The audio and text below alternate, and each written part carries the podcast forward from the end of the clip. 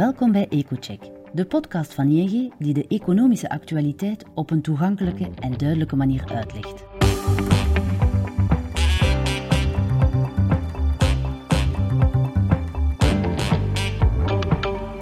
Om de twee weken buigen onze economen zich over de meest besproken gebeurtenis en analyseren zij de economische en financiële gevolgen voor u of uw onderneming. Vandaag is uw gastheer Peter van den Houten, hoofdeconoom bij ING België.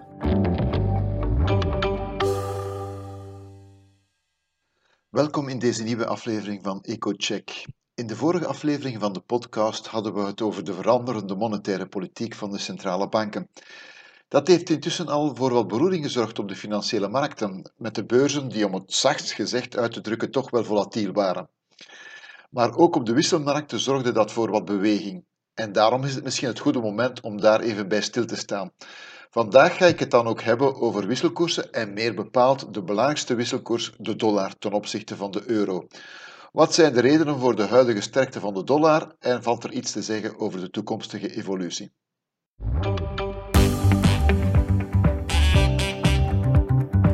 We luisteren naar de analyse van Peter.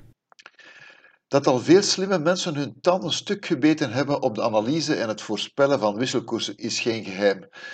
De legendarische econoom John Maynard Keynes was niet vies van een gokje op de beurs of op andere financiële markten. Ook op de wisselmarkten durfde hij wel eens speculeren, zich baserend op zijn diepgaande macro-economische inzichten. Maar zijn succesratio was eerder beperkt en op, op bepaalde momenten moest hij zelfs bij familie en kennissen gaan lenen om zijn verliezen te dekken. Het is dan ook geen wonder dat Keynes ooit zou gezegd hebben dat de markten langer irrationeel kunnen zijn dan dat de belegger solvabel kan blijven. Hij is op dat vlak echt wel een ervaringsdeskundige. Ex post valt meestal wel goed te verklaren waarom munten bepaalde bewegingen hebben vertoond. Neem u de dollar. Zowat een jaar geleden schommelde die nog rond de 1,22 per euro. Vandaag staan we rond de 1,05, een appreciatie van bijna 15 procent. Wat was de aanleiding tot die forse hozen? De veranderde inschatting van het geldbeleid was waarschijnlijk een belangrijke aandrijver. Vanaf de zomer van 2021 liet de Amerikaanse centrale bank, de Federal Reserve, verstaan dat ze de rente wel eens zou kunnen gaan optrekken om de inflatie te beteugelen. De verwachting van hogere rente dreef heel wat beleggers naar de dollar met een koersstijging tot gevolg. Vanaf eind februari, met de Russische inval in Oekraïne, heeft die appreciatie nog een bijkomende duw in de rug gekregen. De VS liggen immers een stuk verder van het conflict dan West-Europa. En daarbovenop wordt de dollar traditioneel beschouwd als een vluchtmunt in tijden van geopolitieke onzekerheid. Last but not least, de VS zijn een grote producent van aardgas en olie en zijn in dat opzicht dus een stuk minder kwetsbaar dan Europa. Geen grote verrassing dus dat de dollar profiteerde van het wapengekletter in Oost-Europa. Maar wat brengt de toekomst? Blijft de dollar zo sterk?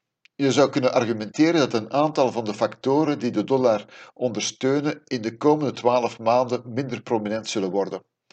Naarmate de Federal Reserve de rente verhoogt, zullen de verwachtingen van bijkomende rentestijgingen immers afzwakken.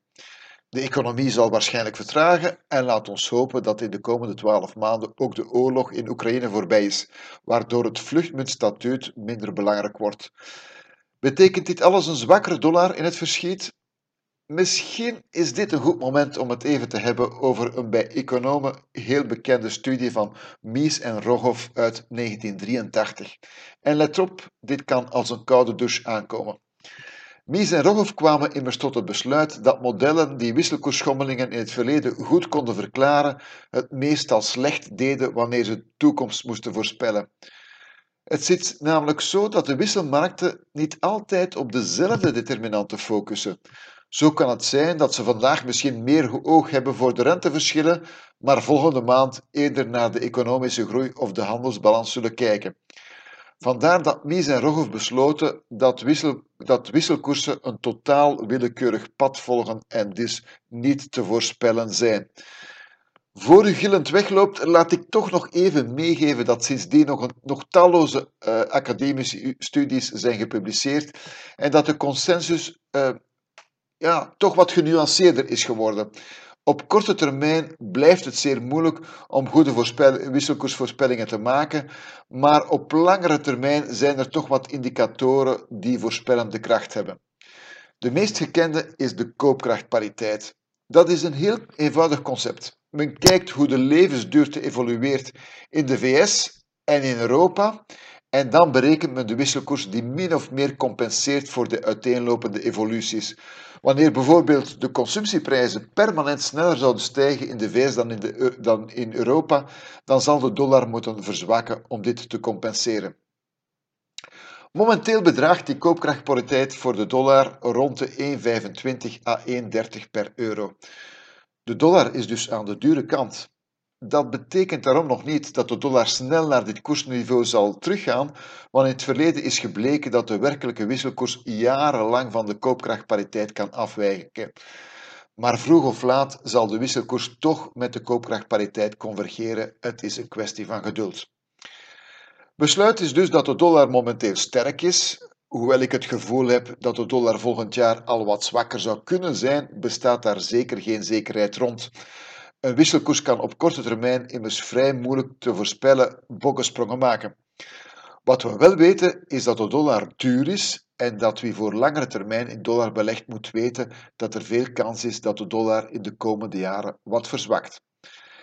Dat was het dan weer. Bedankt om te luisteren en graag tot de volgende keer. Zo, dit is het voor vandaag. Bedankt om te luisteren naar deze aflevering. Aarzel niet om onze EcoCheck podcast te volgen, zodat u geen enkele aflevering hoeft te missen. Wilt u meer weten over economisch en financieel nieuws? Ga dan naar ing.be-mijn-nieuws en ontdek alle analyses van onze econoom.